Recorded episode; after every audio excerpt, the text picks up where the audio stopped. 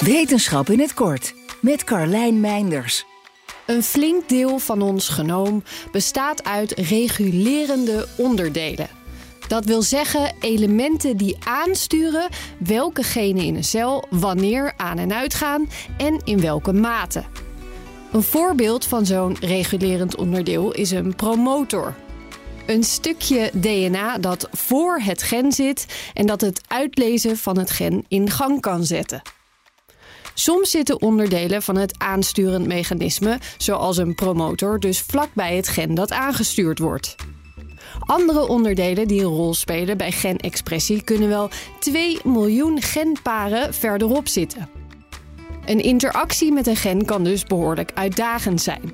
Daarom vormt het genoom zich in een 3D-structuur van allemaal lussen om dit makkelijker te maken. Met een nieuwe techniek is het MIT-onderzoekers nu gelukt om de interactie in deze structuur met een 100 keer hogere resolutie in beeld te brengen dan voorheen.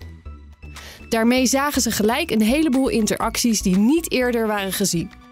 Ook konden ze bepalen dat sommige genen interactie hebben met tientallen verschillende regulerende onderdelen.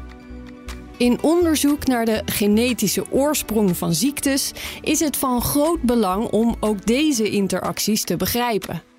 Ondanks dat met de techniek niet het hele genoom in één keer in beeld gebracht kan worden, hopen de onderzoekers dat ze hiermee wel een waardevol instrument hebben ontwikkeld waarmee onderzoek naar hoe ziektes ontstaan en hoe ze te behandelen zijn weer vooruitgeholpen wordt. Wil je elke dag een wetenschapsnieuwtje? Abonneer je dan op Wetenschap vandaag. Spotify is partner van Wetenschap vandaag. Luister Wetenschap vandaag terug in al je favoriete podcast-apps.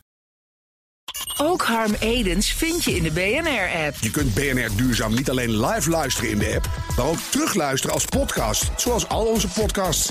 En naast dat de BNR-app Breaking News meldt, houden we je ook op de hoogte van het laatste zakelijke nieuws. Download nu de gratis BNR-app en blijf scherp.